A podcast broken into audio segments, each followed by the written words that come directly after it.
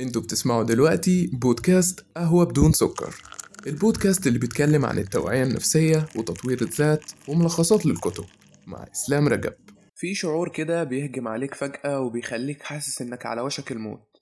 كمية مشاعر ضخمة كده بتهجم عليك مرة واحدة في لحظة معينة قادرة توصلك وتوصل جسمك لأعلى مراحل الخوف. بتحس بضيق كده في التنفس وضربات القلب بتزيد مرة واحدة وغير متزنة. شعور بجد قاسي ومخيف. وكل ده بيحصل في دقايق معدودة فقط. حرفيا بتحس وقتها إن روحك بتتسحب منك وإنك على وشك الموت.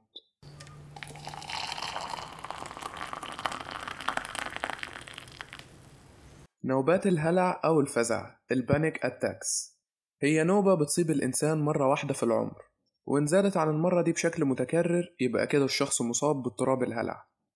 طب إزاي أصلا أقدر أعرف إذا كان اللي عندي دي نوبة هلع ولا أنا فعلا خايف من حاجة بتحصل في حياتي أو خايف من حدث معين مثلا بيحصل في حياتي؟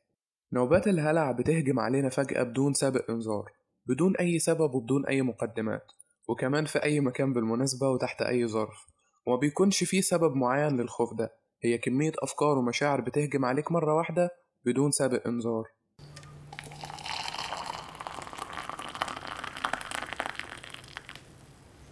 هي في العادي بتاخد دقايق معدودة فقط بس حرفيا دول من أصعب الدقايق اللي بيعدوا عليك في حياتك. بتتمنى إن ده يزول أو يروح لأنك مش فاهم هو إيه ده أصلا وإيه اللي بيحصل لو هي أول مرة تجيلك. بتبدأ نوبة الهلع في الانسحاب منك خلال 20 إلى 30 دقيقة بالظبط بس هي بتستغرق معاك مش أكتر من 10 دقايق ونادرا لما الموضوع بيوصل لساعة.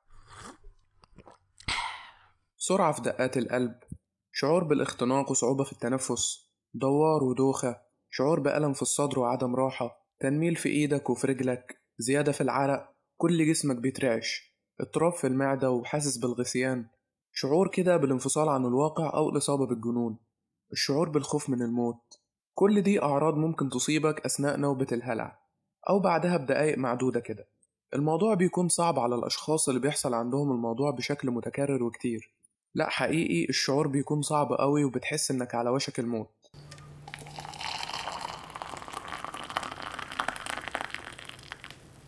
مفيش سبب واضح ممكن نتكلم عنه لنوبات الهلع. تقدر تقول كده لحد الآن العلماء ما قدروش يحددوا سبب فعل ليها.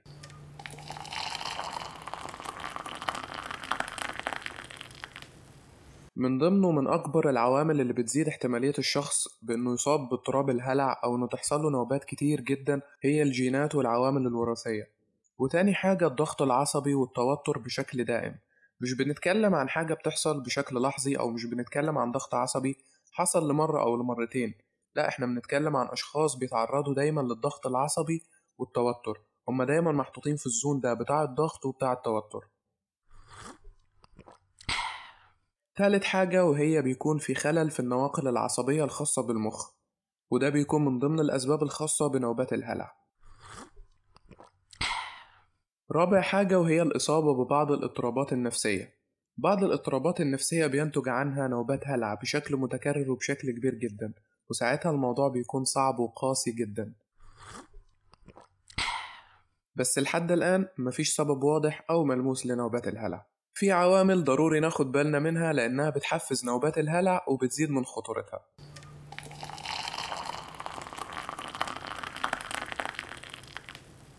زي التعرض لصدمة نفسية مثلا زي وفاة أحد أفراد الأسرة أو الأصدقاء أو أي حد مقرب ليا. الصدمة دي كفيلة فعلا إنها تعرضني لنوبات هلع بشكل كبير جدا وبشكل متكرر. التعرض لاعتداء جسدي أو جنسي أو حادث خطير. التغيرات الكبيرة في الحياة مثل فقدان الوظيفة أو الطلاق أو إنجاب مثلا طفل جديد. اتباع نمط حياة غير صحي زي التدخين أو الإفراط مثلا في تناول الكافيين والمنبهات. وجود تاريخ عائلي من الإصابات بنوبات الهلع.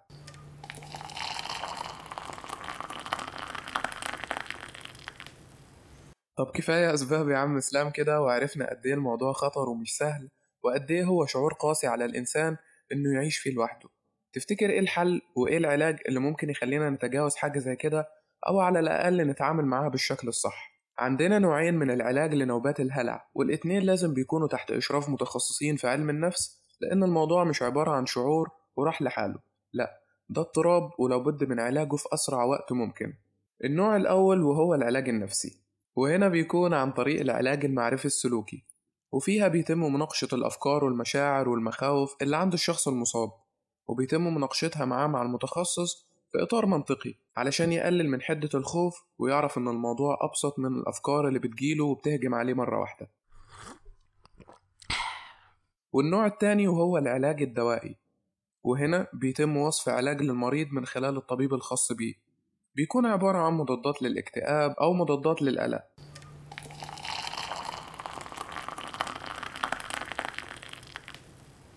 ودي كانت طرق للعلاج الخاصة بنوبات الهلع.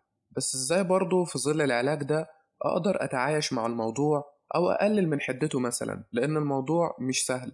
ومش فكرة إن أنا هتعلم طريقة أو اتنين فالموضوع كده هيخف.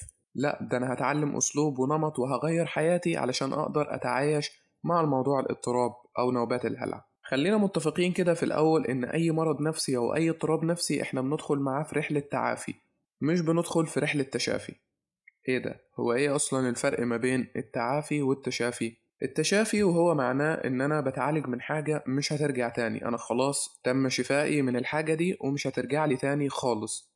أما بالنسبة للتعافي فأنا بتعافى من حاجة أنا عارف إنها ممكن مع أي صدمة أو تعرضي لأي موقف ممكن ترجع لي تاني. فالمرض والاضطراب النفسي مش بيخف مننا بشكل كامل. إحنا بنتعافى منه وبنتعلم طرق معينة علشان نقدر نتعايش معاه. لكنه بيفضل موجود مش بيخف مننا خالص. بس إحنا بنتعلم إزاي نتعايش معاه بشكل صحي.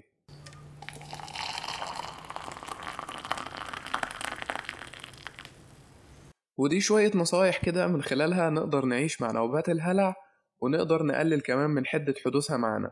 ولو حصلت نعرف نتعامل معاها بالشكل الصح والمظبوط. أول ما بتحصل معانا نوبة الهلع كمية أفكار ومشاعر زي ما قلنا ضخمة بتهجم علينا مرة واحدة. كل المطلوب منك في اللحظة دي هو إنك تركز على نفسك وبس إن أنت تتنفس بعمق. ركز على نفسك وبس ما تركزش على أي حاجة تانية. اتنفس كده بعمق وركز على النفس الخاص بيك. وأثناء ما أنت بتاخد شهيق وزفير كده فكر نفسك إن الموضوع مش خطر. أنا عارف إن الموضوع ده في أول وتاني وتالت مرة بيكون صعب بس أنت تقدر تعمل حاجة زي كده. فكر نفسك دايما إن الموضوع مش خطير وإنها كام دقيقة وهتعدي. ده هيقلل من حدة الموضوع وهيخليك تهدى شوية.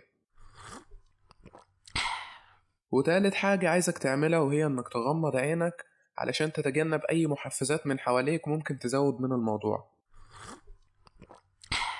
رابع حاجة وهي ممارسة التأمل. إيه ده؟ تأمل وأنا في الوضع ده؟ آه مظبوط. بس تأمل بمعنى تاني. أنا عايزك تتخيل حاجة أي حاجة تيجي في دماغك. تتخيل مثلا فازة وتتخيل الألوان بتاعتها تتخيل أي حاجة ألوان تتخيل مثلا الأوضة مثلا من حواليك وأنت بتزينها وأنت بتعمل أي حاجة. تغمض عينك وتسترخي خالص كده وتتخيل أي حاجة بعيدا عن مشاعر الخوف وتكون حاجة مضادة ليها. صدقني موضوع التأمل ده وإنك تغمض عينك وتركز في حاجة بعينها هيقلل من حدة الموضوع وهتحس إن أنت بتهدى شوية لأنك بعدت كل تركيزك عن المشاعر الخاصة بيك.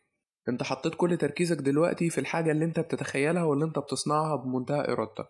فده كفيل إن هو يخرجك من الحالة اللي أنت فيها. وآخر حاجة وهي عايزك تتخيل حاجة تكون مبهجة مثلا أو بتحسسك بالسعادة. لو مش هتقدر تعمل ده لوحدك ممكن تخلي حد يكون معاك في الوقت ده. هو أكيد طبعا محدش هيكون مرافقك على طول. بس ممكن تبلغ حد من الناس اللي حواليك إن هو يفكرك بحاجات أنت بتفرح بسببها أو بتحسسك بالسعادة. يفكرك بالحاجة دي في الوقت نفسه. صدقني هيفرق معاك جدا جدا جدا. شعور إن أنت بتحفز موضوع السعادة جوه جسمك وبتفرز الدوبامين في الوقت ده ده هيخليك تطلع تماما عن المشاعر دي كلها وهتخرج منها بشكل كامل. بل بالعكس كمان هتلاقي نفسك بتهدى والوقت اللي كنت بتاخده علشان تهدى هيقل مع الوقت.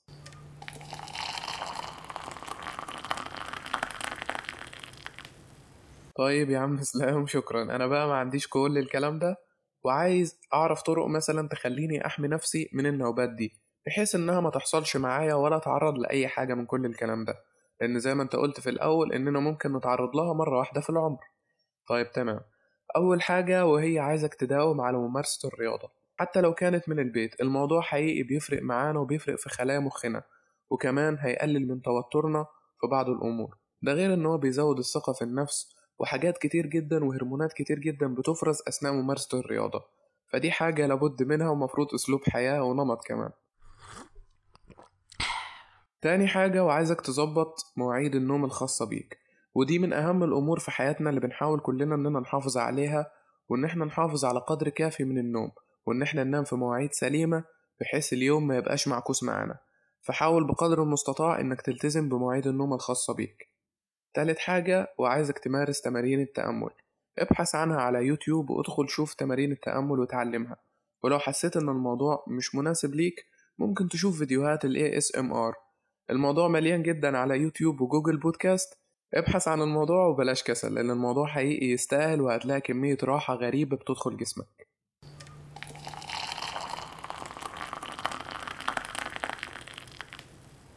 ختاما حابب أقول بس رسالة صغيرة كده. إن الأمر صعب مش سهل وكون إنك تعيش الحالة دي لوحدك فده إنجاز كبير أوي والله.